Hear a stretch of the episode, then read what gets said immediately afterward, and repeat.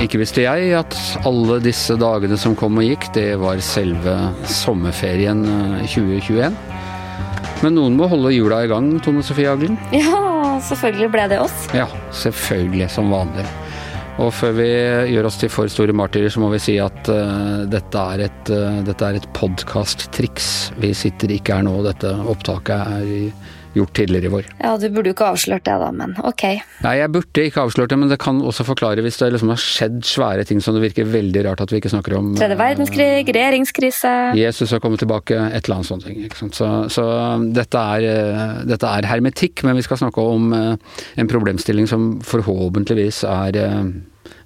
relevant, selv etter de kraftige forandringene som teoretisk sett kan ha skjedd i, i mellomtiden. Og det er eh, fenomenet eh, spinndoktorer. Eh, hva legger du i det begrepet? Jeg legger vel det en, en rådgiver som har ansvar for presse rundt politikere, som har litt som sin oppgave å ringe rundt til journalister og, og påvirke og både synet på politikerne, og ikke minst selge inn de gode sakene og dekke over de ikke så veldig gode sakene. Er du mye utsatt for spinndoktorer i ditt daglige virke? Altfor lite, egentlig. Jeg vil jo gjerne bli, bli spinna, for jeg syns at det er veldig nyttig. Sånn, uansett om det er en dyktig spinndoktor eller om det er en dårlig, så forteller det meg ganske mye om eh, partiet og, og, hvordan eh, de tenker. Men jeg tror nok kanskje særlig de politiske journalistene i en valgkamp uh, hører nok veldig mye fra dem. Altså Jeg merket når jeg har jobbet i USA, og når det har vært TV-debatter og sånne ting i USA, da bare da kommer, når debatten er over, så bare tyter det inn med spinndoktorer eh, fra begge sider som driver og snakker til journalistene og, og som gir sine vurderinger. Eh, nesten overrasket er over hvor mye de ble lyttet til i amerikansk sammenheng, og der har jo også spinndoktor eh, begrepet eh, det er der det kommer fra, og det, og det har en veldig sånn høy status. Er det sammenlignbart med, med sånn i, i, norsk politikk? Har det blitt uh, mer av det de siste årene? Nei, jeg, jeg, føler ikke at det er sammenlignbart. Og i, i, Norge så vil jeg heller ikke si at det har hatt særlig status. Det er vel eh, Når man bruker spinndoktor, så opplever jeg at man snakker om det ganske sånn eh, nedsettende, egentlig. Så jeg tror det er ganske få som vil ha det på seg at de er det. Men jeg, jeg tenker i hvert fall på det som en en uh, nyttig funksjon. Og en, god spinndoktor uh, er jo ikke den som på en måte snakker usant og prøver liksom å pakke ting inn, men er virkelig, virkelig verdt å lytte til. Men jeg må si det er ganske langt mellom de som virkelig er gode i Norge på det. Og, og vi er et ganske annerledes samfunn, og jeg syns kanskje mange av rådgiverne er mer gode på service enn de kanskje er på spinn. da. Ja, væskebærer Nå skal ikke jeg snakke ned vår serie, selvfølgelig. Nei, nei, men vi har jo selvfølgelig valgt ut kremen av, av norske spinndoktorer til, til, å komme her og snakke med oss. Akkurat som du sier, altså når vi har ringt rundt og, og, prøvd å overtale folk til å komme, så er det litt sånn forskjellige reaksjoner. Men han øh, vi skal ha første gang nå i dag, Sigbjørn Aanes, han skammer seg ikke over det begrepet, har jeg inntrykk av. Han er, har vært veldig sånn åpen og på mange måter eh, den ledende spinndoktoren i Norge. Først da for Erna Solberg i opposisjon, og så i flere år mens hun var statsminister. Ja, og Sigbjørn Aanes han er vel ikke typen til å skamme seg generelt, vil jeg vel kanskje tro, men uh, han har jo blitt litt sånn urspinndoktoren i Norge, og det handler jo selvfølgelig om at det er Høyre som har styrt landet i de siste åtte årene, og man blir nødvendigvis mer sentral når du har den funksjonen for uh, uh, statsministeren enn om du på en måte er spinndoktoren til lederen i Rødt. Det, det sier seg liksom sjøl. Men han har på en måte hatt en ganske sånn høy både offentlig profil. Han, han, han har vært aktiv på telefonen og ja, en mann med både mye sjøltillit, vil jeg si, og som har gjort ganske mye ut av den rollen nå. Så han er vel kanskje liksom den når vi i Norge sier ordet spinndoktor, så vil jeg vel tro det er Sigbjørn Aanes folk flest kanskje tenker på. Sjøl om jeg kanskje ikke tror folk flest er veldig opptatt av det. da. Nei. Vi skal også senere snakke med, med Camilla Ryste, som var eh, Jeg vet ikke om hun vil gå god for begrepet spinndoktor, men, men som, eh, som, var da kommunikasjonsansvarlig for, for Jonas Gahr Støre i valgkampen i 2017. Og begge de to er ute av politikken nå. Er, er det tøft å være spinndoktor? Ja, jeg tror at det er en jobb som uh, sluker deg døgnet rundt, og, og de toene har jo på en måte hatt uh, kanskje de tøffeste jobbene på, på, veldig ulik måte. Sigbjørn Aanes for statsministeren, da er det jo alltid noe som skjer, og du er på en måte alltid på vakt. og uh, Om det ikke nødvendigvis er rundt statsministeren, så er det jo brannslukking. Camilla Riste har jo hatt en helt annen rolle og har vært det for Jonas Gahr Støre i de i mange av de årene hvor Arbeiderpartiet virkelig har vært i motbakke og sett eh, motgang. Så, så, og jeg tror det må gjøre noe med deg at uansett hva du gjør i, tar i, så blir liksom gull til gråstein. Så de har veldig ulike historier, og begge deler er veldig interessante. Og begge deler skal dere altså snakke om her i løpet av sommeren.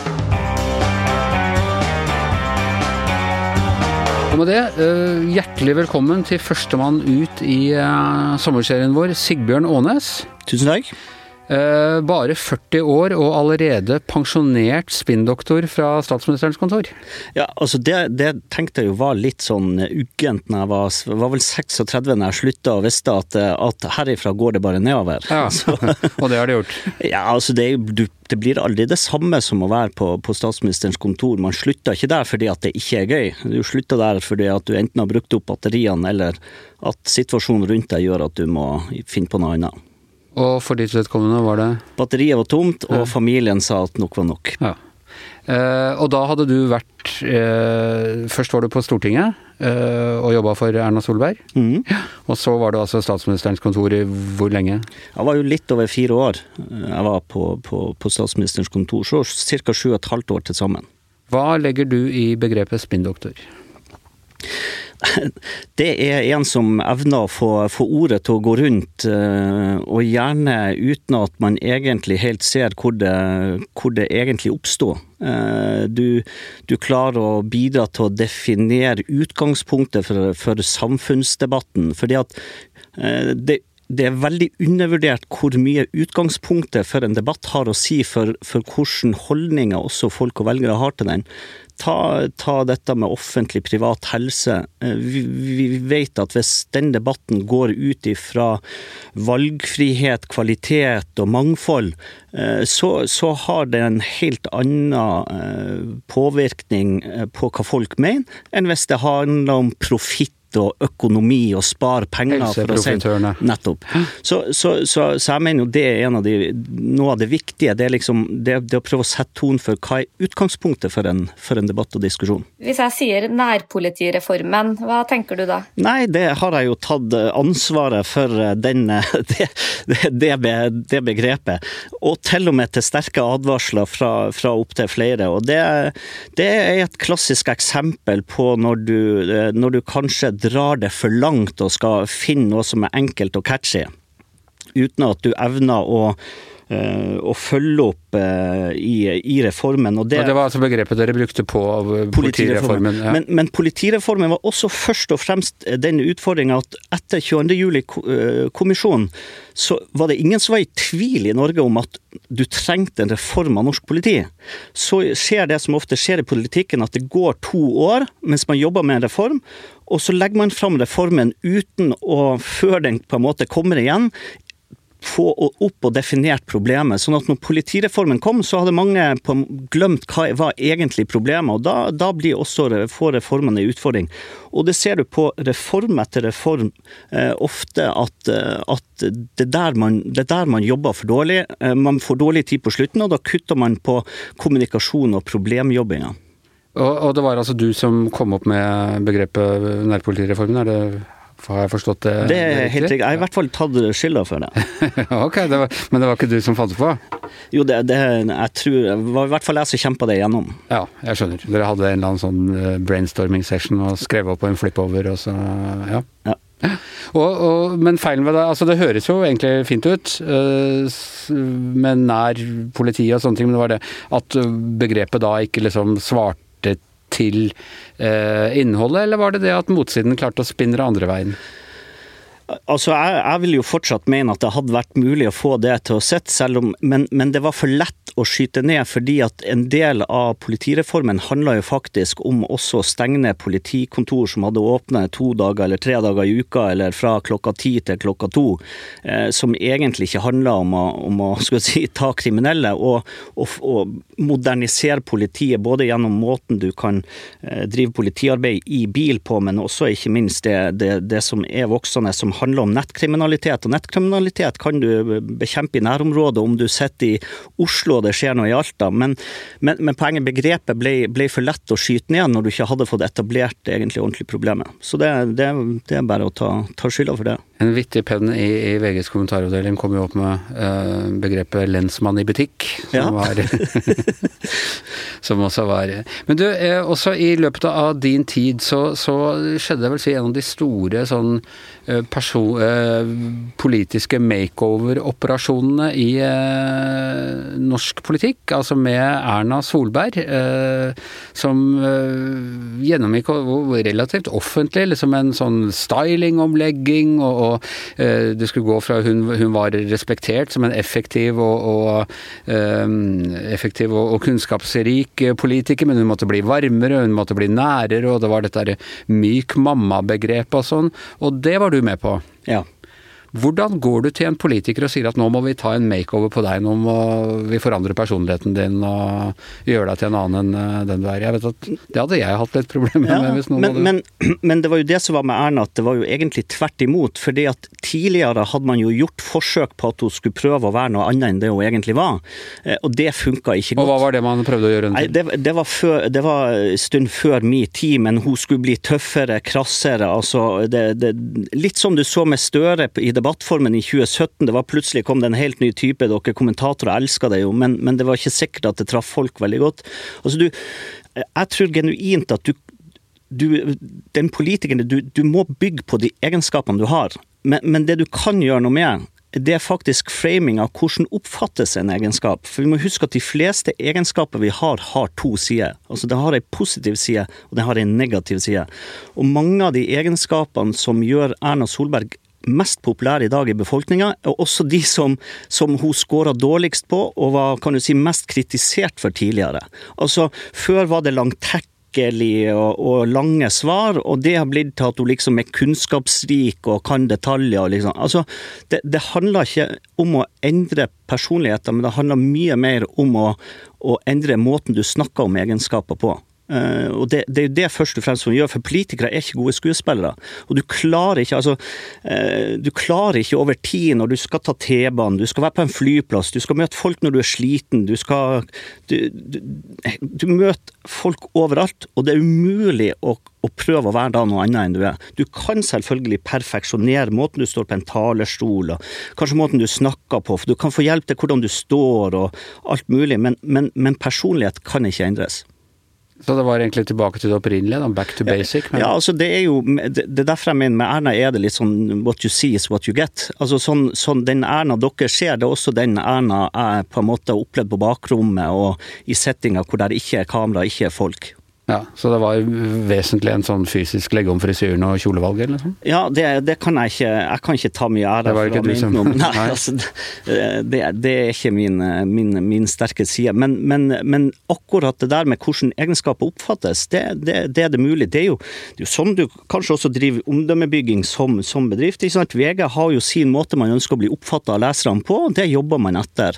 Eh, og man jobber med at leserne skal oppfatte VG sånn. Eh, Equinor har, har har sikkert sine mål om hvordan folk skal oppfatte selskapet. De jobber veldig for at det er sånn selskapet skal oppfattes å være, og, og sånn kan du også tenke om, om mennesker.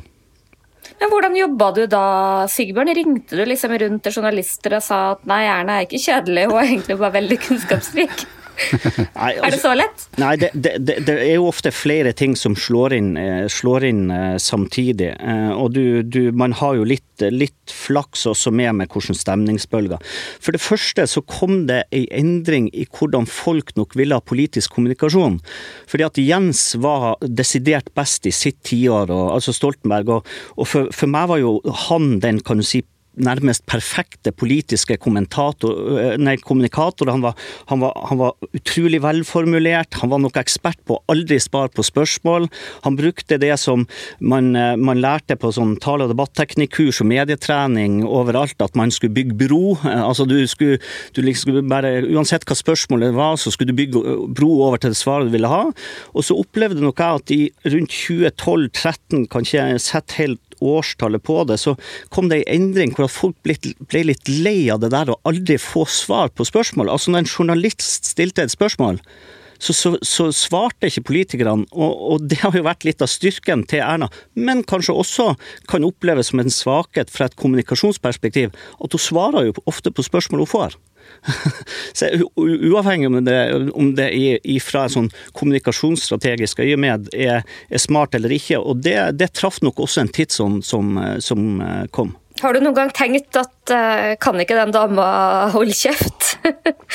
Nei, å ikke holde kjeft, så, så, så klart jeg, uh, jeg hadde jo tenkt at jeg ville stoppe osv. Men, men, men, men, det er jo det som fascinerer meg. fordi at uh, nå får jeg sitte her i studio og liksom snakke om hva vi gjorde den gangen, og, og får ofte spørsmål og innimellom holde foredrag. Men, faktum er jo at jeg lærte nok mer om politisk kommunikasjon av Erna Solberg enn Erna Solberg har lært meg. og så var nok jeg flink å forstå hun og forvalte den måten hun, hun, ville gjøre det på. fordi at, som sagt, min inngang til politisk kommunikasjon var egentlig litt annerledes enn sånn det ble. Så, så man lærte mye med de de årene, og også den tidsånden. Og det er jo litt av det spennende nå foran 2021. Står vi egentlig også nå overfor en ny kan du si, er, politisk kommunikasjon nå igjen i endring? Har det vært det de siste årene, og hva betyr det for, for valget? Fordi at Én ting er helt sikkert, og det er jo at kommunikasjon eh, endra seg også over tid. Eh, og du, du Gro funka i, i sitt år, tiår, det er ikke sikkert hun hadde funka like godt i Jens Stoltenbergs eh, tiår. Ja, interessant å se de gamle Gro og Kåre-debattene med Kåre Willoch og sånn. Det er så kjedelig at du kan bare ikke ja, Og jeg, jeg, husker det som det var sånn vill hund og katte-fight, liksom. Og det er bare Men, men bare for, til, til, også til det at du sier, Tone Sofie, hvordan gjør man det? Jeg tror, jeg tror man må genuint alltid prøve Altså om det kommer en krise, så må du alltid se en mulighet. Altså når Jonas Gahr Støre ble kjørt av NRK etter denne dokumentaren for å ikke kjørt med, med setebelte på. Så tenkte jeg altså, de, Jeg opplevde de svarte som at det var en sånn kjempenegativ sak, og selvfølgelig er det dumt å ikke gjøre det, og så i tillegg gjøre det når du, når du filmer av TV-kamera. Men så tenker jeg Altså når, når, du, når, folk ser på Dagsrevyen, hvis det er 600 000 som så på, så har jo 590 000 gjort akkurat det samme og føler seg truffet på akkurat samme måte. Og De siste 10 000 de har ikke lappen. Så, så jeg tenkte, det var jo en kjempegod sak egentlig for å bygge bro til eh, til alle disse som kanskje han vanligvis ikke treffer så godt, og så lage trafikksikkerhetskampanje og sånn ut av det. Og, og, sånn er det litt med denne framinga av hvordan egenskaper er. Du, du, må jo for det første kjenne og forstå folk når du gjør det veldig godt, og så må du hele tida tenke ok, det, Journalistene snakker kanskje om det sånn og sånn, hvordan kan det heller snakkes om? Ok, Erna er, er, er mamma, hun er varm. Eh, det var en stund siden sist kvinnelige, eller første kvinnelige statsminister, Gro. Hvordan bruker du det? Og da så jeg husker min eldste datter Vilje plasserte vi på fanget til Erna og tok fantastiske bilder til det der Høyre-magasinet Muligheter. Eh, Jobba en del med det. Erling Rimehaug i Vårt Land skrev, skrev, også en kommentar hvor han skriver sånn Jens Stoltenberg, eh, Jens Stoltenberg er forsvarer av det bestående, Erna Solberg er varm og nær og sånn. Og da, så da begynner det å, å, jobbe seg inn. Men du kan ikke gjøre noe annet enn det personen uansett er. Det var så mye snakk om et bilde i Se og Hør hvor hun hadde det sånn rotete hjemme som dere skal ha vært så fornøyd med? Dagbladet. Var det Dagbladet, ja. Og, og det mener jeg er fascinerende, at det er fullstendig ikke regissert. Ingen kommunikasjonsfolk i nærheten. Ingen visste engang om det. Tvert imot, beskjeden fra Erna også før, eh, før eh, dette intervjuet var at Dagbladet fotograf skulle ikke inn i studio. Nei, unnskyld, inn hjemme hos henne. Eh, og det bar det kanskje også preg av hjemme.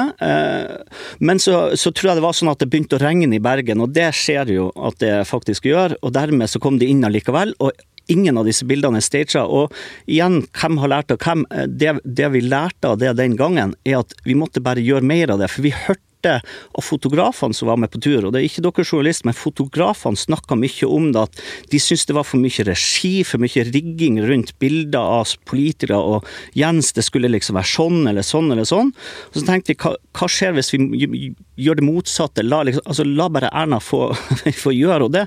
Vi var på ei strand i Lofoten en gang, og plutselig så sto jeg og snakka med noen, snudde ryggen til, og plutselig så ser jeg Erna ute, har bretta opp eh, buksebeina og ut på vei i havet sammen med Monsen, da vi fotograf i Dagbladet. og Du blir jo fort litt stressa, men, men, det har eh, gått veldig bra.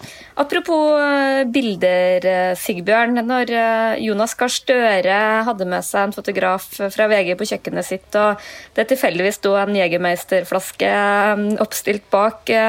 Tror du det er tilfeldig, eller tror du de har lært litt av ja, f.eks. Erna? Jeg, jeg, tror jo, og i hvert fall ser jo tendenser til at kanskje Arbeiderpartiet har lært en del. Og at de, altså ikke nødvendigvis bare Erna, men kanskje også egne feil.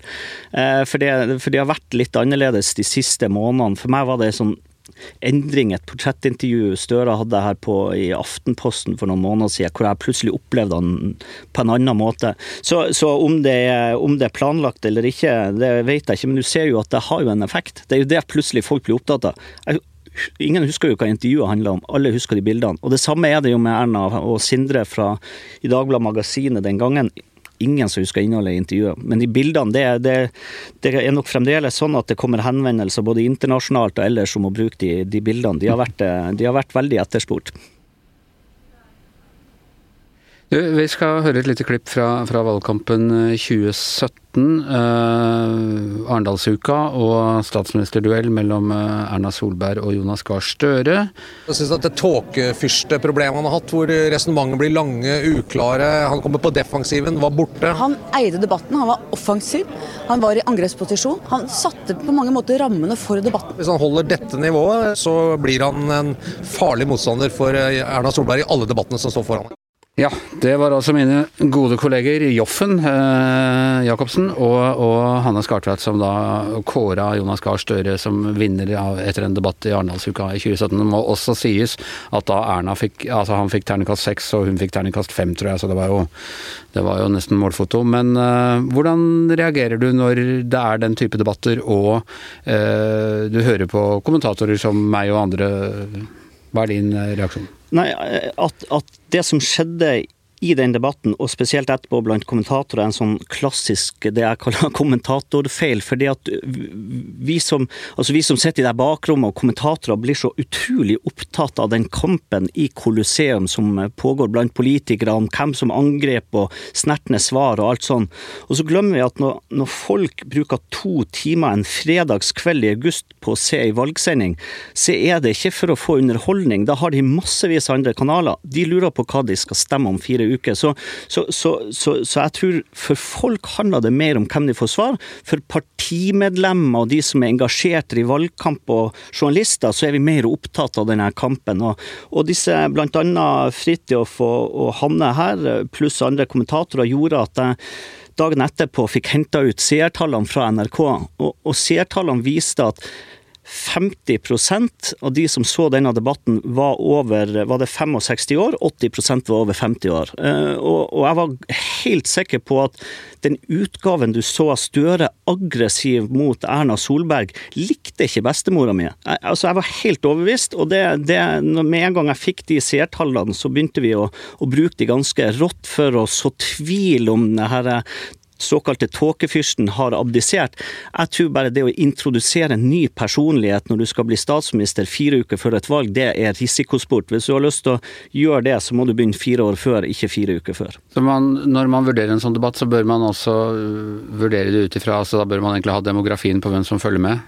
Ja. Og, ja. Du må ha kontroll på seertallene, hvis ikke så gjør du ikke jobben. Nei. Så er det jo litt med hvem man uh, snakker til òg, for det jeg var jo i, under Arendalsuka så den debatten og jeg følte meg veldig teit, for jeg hadde faktisk kåra Siv Jensen til debattens vinner, og jeg likte ikke så veldig godt Jonas Gahr Støre, men jeg tenkte at det er sikkert jeg som ikke skjønner noen ting her. Men, men nettopp den litt sånn aggressive stilen øh, funker jo ikke nødvendigvis på alle, og det tror vi veldig sånn glemmer når vi sitter og ser på sånne øh, partilederdebatter, at øh, f.eks. Trygve Slagsvold Vedum gjør det ofte veldig dårlig hos kommentatorer, men jeg tror han Eh, fungerer veldig godt til sine kjernevelgere, på samme måte som Bjørnar Moxnes og sånn. Og jeg tror politikerne er veldig sånn bevisste på det på en helt annen måte enn det vi kanskje tenker over. det. Og det, det, det, det er egentlig godt, fordi jeg tror jeg tror det man og må være klar over det, er at der er ulike standarder for ulike mennesker, ulike politikere, ulike næringslivsfolk.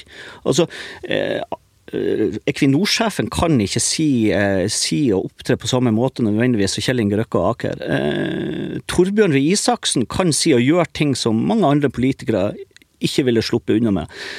Audun Lysbakken kan være på én måte i en debatt, for det er sånn vi kjenner han. Eh, men det er ikke sikkert at den metoden passer Jonas Gahr Støre. Og det har også litt med hvem er det du snakker til. Så, så, så, så det, det, er utrolig viktig det der. Du må også vite hvem, hvem skal du snakke med. Hvorfor driver Venstre og prøver å kommunisere til distriktsvelgere i Nord-Norge når de ikke har, de har jo knapt velgere der? De må konsentrere seg om de store byene og gå i klinsj med Senterpartiet. Nettopp, og dermed er det ikke alltid et flertall du skal overbevise, men, men den, riktige, den riktige gruppa, som f.eks. kan være folk som syns at Gahr Støre er for passiv og, og, sånne ting.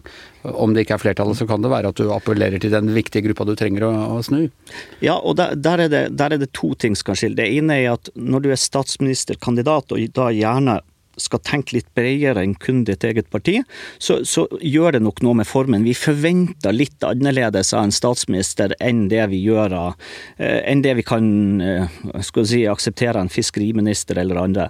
Eh, det andre er jo at det viktigste du gjør i valgkamp, det er å mobilisere velgerne til, til å gå og stemme. Altså, Poenget er at Høyre skal ikke overbevise SV-ere om å bli høyrefolk, for det, det, det er for mye arbeid. Det har du ikke sjanse til, det har du ikke tid til.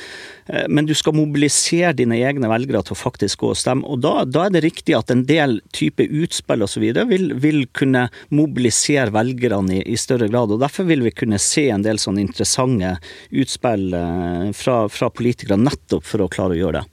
Ja, øh, du er jo vant til å svare på alle de smarte spørsmålene vi, vi journalister stiller deg hele tiden. Her, her har vi et annet eksempel? Jeg lurer rett og slett på eh, hvor mye søvn ja, spinndoktorene får eh, under en lang og hektisk valgkamp. Ja, det var for at vi skulle slippe å stille deg det spørsmålet selv. Ja, nei, eh, du, du sover ekstremt lite. Eh, kanskje tre-fire timer natta. Eh, og det er jo det som gjør at man, man, sliter seg ut over tid. For det er ikke bare sånn i valgkamp, det er dessverre veld, veldig mye sånn, sånn, ellers også. Så skal jeg gitt et råd til, eller, og det har jeg gjort til etterfølgere, så er det å være flinkere og ta seg lengre ferie.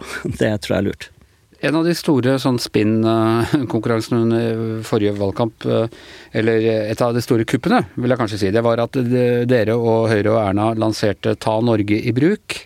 Og så gikk altså Senterpartiet inn, og dette var nesten sånn brexit-triks, eh, og sa at de ville ta hele Norge i bruk. Hva, hvordan føler du rundt det? Jeg, jeg syns jo det var jo et genialt grep av de, eh, og en veldig god måte å få debatten over på det, det de ønsker og vil ha. Så, så, så jeg syns jo, jo, det var morsomt og, uh, gjort av de. Så, så, så når, du, når, du, finner på sånne ting, så er det, så er det bare gøy. Du, du, du, kan ikke la deg irritere over sånn, du må bare gi kred og honnør og, og børste støv av skuldra og gå videre. Hvor opptatt blir du av eh, altså Jeg vet om en del som jobber med, med samme jobber som deg, som blir veldig opptatt av USA, England, Boris Johnson, Cameron. Uh, gutta rundt Obama er jo blitt en slags sånn guder i, i, denne bransjen. Hvor mye følger du med på det, og hvor, uh, hvor, hvor mye er det mulig å oversette det til norske forhold? Nei, eh, jeg vil si jeg følger godt med på USA og Storbritannia eh, spesielt. Eh, og så går det litt i, bølger. Og så vil jeg si at det, det, er, det, er, lite som lar seg overføre. Og jeg tror hvis jeg skal, hvis jeg skal tenke litt rundt altså rundt Jens Stoltenberg, så tror jeg de ble for fiksert på Obama eh, og skulle gjøre han for presidential. Altså når du, når du begynner å skal, skal tuppe kongen bort fra medaljeutdelinga og begynner å krangle med stortingspresidenten om hvem som skal signere protokoller først og sånn, da, da, er du på det unorske som du kan holde på med i USA. Så der tror jeg den inspirasjonen gikk for, gikk for langt. Du må, du, må ha, du må, ha, ting i en norsk kontekst. Men, men jeg du si, en av de mest interessante politiske lederbiografiene som, som, har vært skrevet, og som er en del å lære, er jo, er jo faktisk Tony Blair sin. Eh, litt rotete eh, bok, men er, det er mye interessant å lese i den og oppleves veldig ærlig. Og det er jo alltid noe eh, Det har vært et par-tre norske politikere som også har skrevet bok mens de fortsatt er politikere. Kristin Halvorsen gjorde jo det. Den brukte vi vilt og heftig, eh, fordi at hun, hun skrev ting var det rundt eiendomsskatt eller eh, hva det var som som, vi, som jeg husker vi plukka frem i, i, flere, i, flere, runder. Erik Solheim gjorde det jo til dels også Så, så der er alltid noe å lære. Men, ja, da brukte dere det mot, ja, ja, dem? Ja. ja.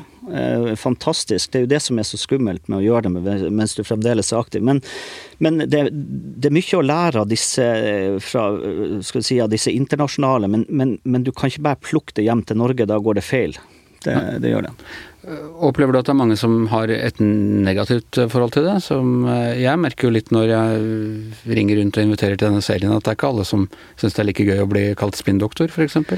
Nei, altså er, så er det sånn Altså, hvilke kamper i livet skal du ta? Eh, må jo bare Altså, så jeg sier på, på en Altså, hva, hva, lever jeg best med? Å bli kalt spinndoktor eller væskebærer? Vel, altså, da, da, da, lever jeg med, med spinndoktor. Det er liksom de to begrepene som, som, eh, går rundt, og jeg er fryktelig dårlig på væskebæring òg.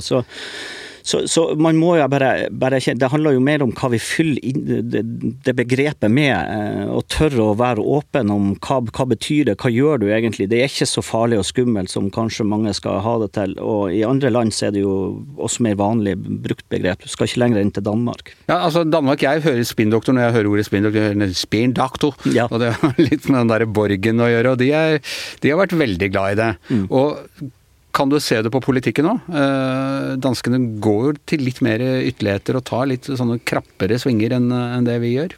Altså Borgen var jo egentlig, vil jeg si, introduksjon til ordet spinndoktor i Norge. Det var jo brukt før det, men da kom det virkelig. Eh, det husker, husker jeg godt, for det var jo etter jeg begynte på, på, på Stortinget. Eh, men nei, Danmark har, har i hvert fall jeg brukt svært lite inspirasjon fra. Hvis vi skal tilbake til eh, forrige valg, så var det jo et valg hvor alle trodde at Jonas Gahr Støre skulle bli statsminister, og så snudde det på et tidspunkt. og For mange så var jo kanskje det i Arendalsuka, når den der sjokkmålinga til Arbeiderpartiet kom. Hvis du skal gi en litt sånn analyse av hva gjorde Høyre riktig, og hva gjorde Arbeiderpartiet feil i den valgkampen, eh, hvordan er den? Jeg tror Politisk så satsa Arbeiderpartiet veldig mye på ledighetskrise veldig tidlig, og det var akkurat som at de klarte ikke å snu det skipet når de så tallene, altså ledighetstallene gikk nedover. Så, sånn at de bygde et, på en måte et narrativ som Høyre og Erna Solberg tjente på etter hvert. Eh, jeg husker spesielt godt, jeg tror det var 1. mai-talen til Støre i Tromsø, jeg tror det var 2017, hvor, hvor han sto og snakket om ledighetskrisa. Så var det akkurat tall fra Nav som viste den laveste ledigheten i Tromsø siden 70-tallet. Altså, så, så, så de, de, de, klarte ikke å snu seg, snu seg, rundt raskt nok når det opplevdes at, at ting gikk, gikk, oppover igjen. Så, politisk så, tror jeg det var, det var eh, det, tror jeg de har lært av.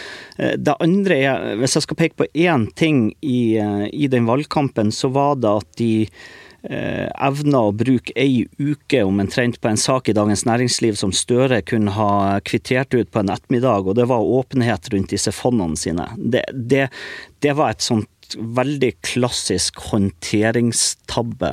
Eh, fordi at du Eh, du, du, klarer lett å spille de første trekkene i et sånt sjakkspill og, si at, og, og forstå at det, det, det her, her, kommer det ikke til å gå eh, med, den, med å ikke skal oppgi hvilke fond man har osv. Du kan, du kan forutsette første trekk fra motstanderen se og oppgi hvilken fond de har, også, og da er du, da er du liksom i sjakkmatt etter to trekk. Så, så, så å bruke ei av fire verdifulle uker på det, det tenker jeg det, det var ikke bra. Det kan jo se ut på noen målinger som at uh, det var noe som snudde etter den uh, sushimiddagen til Erna på Geilo. Hvor viktig tror du den har vært for uh, tilliten til henne og hennes omdømme? Jeg tror, nei, jeg tror, har Jeg tror folk glemte den fortere enn, enn vi i denne bobla gjorde. Men, men, men, i den grad den kan ha hatt noe å si, så er det jo mer at det kanskje begrenser hun i en periode med hva hun kan gjøre og si. Vi kan jo høre hvordan den eh, beklagelsen ble, ble fremført og mottatt på, på, debatten til NRK. Det jeg gjorde feil, var at vi, eller vi gjorde feil, var at vi ikke kunne reglene godt nok om at dette var et arrangement. Hvis dette er eh, straffbart, hvis dette gir bøter, så vil jeg selvfølgelig eh, bidra til at vi alle betaler for det som vi har gjort feil. Ja, Sigbjørn, hva er det var det godkjent fra, fra spinndoktor emeritus uh, Sigbjørn Aanes? Ja, absolutt. Eh, og det er fordi En, en, beklagelse. altså Vi, vi eh, blir kanskje for noen eh, litt eh, fjernt den såkalte Valla-beklagelsen i sin tid. Også, altså du må, du må kunne si Det var at jeg beklager hvis noen har, ja, er så nærtagende Så går det åpenbart, og, og, det hender jo at du ser som beklagelser som ikke er oppriktig, men kan fremstå strategisk. Men, men, men jeg opplevde virkelig, Erna, at den var oppriktig. Og det er, det er ofte det viktigste. Ble den godt håndtert av Høyre?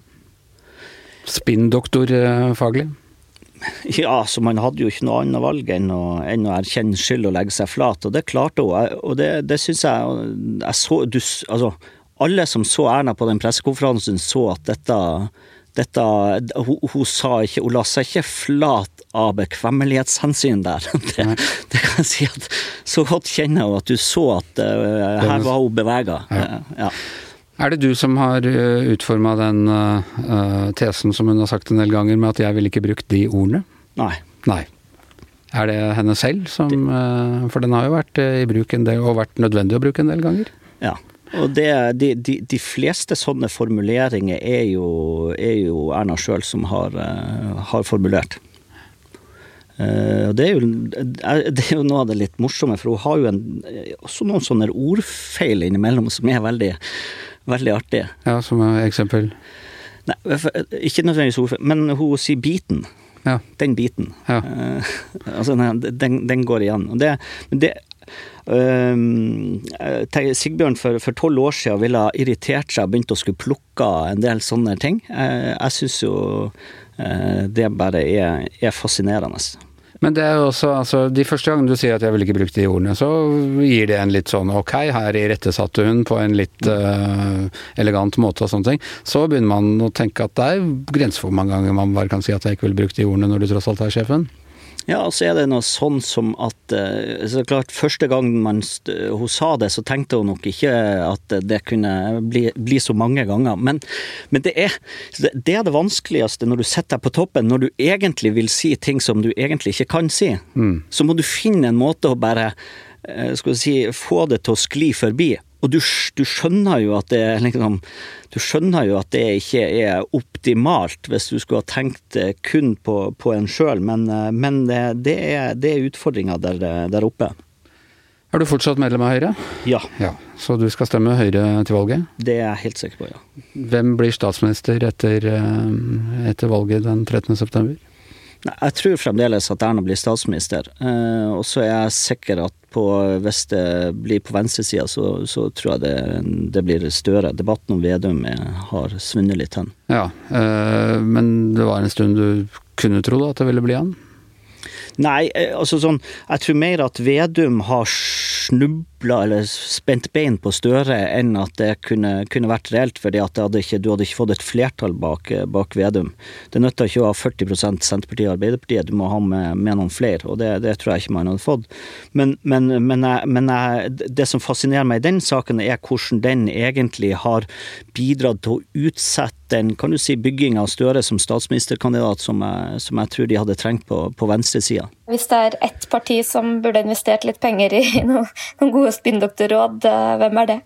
Jeg, jeg, tror de som nå hadde trengt det mest, det er jo KrF og Venstre. Fordi?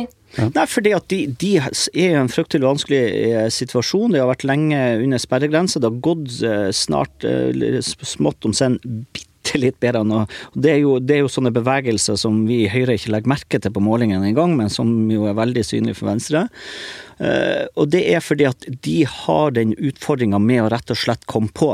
Og det vil små, mindre partier ofte ha i en, i en valgkamp, men, men, spesielt for KrF har det jo vært et vanskelig år hvor du sitter med statsråder som ikke er veldig koronarelevant, og, og, da ikke kommer på når du først kommer i regjering, så blir du nesten usynlig, for det, det du holder på med er ikke det dere i media eller folk er opptatt av her og nå. Så, så derfor trenger man der å, å være kreativ.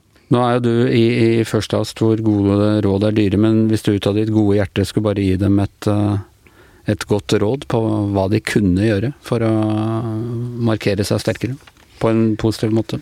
Jeg tror eh, KrF fikk en gavepakke av SV med, med, abortsaken. Og tilbake til det jeg sa, at noe av det viktigste du gjør, er faktisk å mobilisere egne velgere. Og for KrF så trenger de nå kun å mobilisere 2017-velgerne, så, så, kommer det til å gå over. Og jeg tror at for å få det til, så er det utrolig viktig at, at ikke at det ikke oppleves å være en, en ytterkant, men heller en, en beskytter av, av, sånn som det er i dag.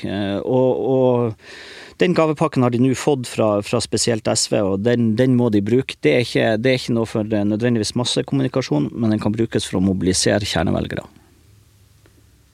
Ok. Eh, Sigbjørn Aanes, eh, tusen takk skal du ha. Eh, da er denne sommerutgaven av Giæver og gjengen over. Hjemmestudio Tone Sofie Aglen. her i studio Sigbjørn Aanes og Anders Gjever. Vår vaktsjef heter Kristina Kinne, og mannen som spinner miksepulten og holder det hele i gang, er som vanlig produsent Magna Antonsen.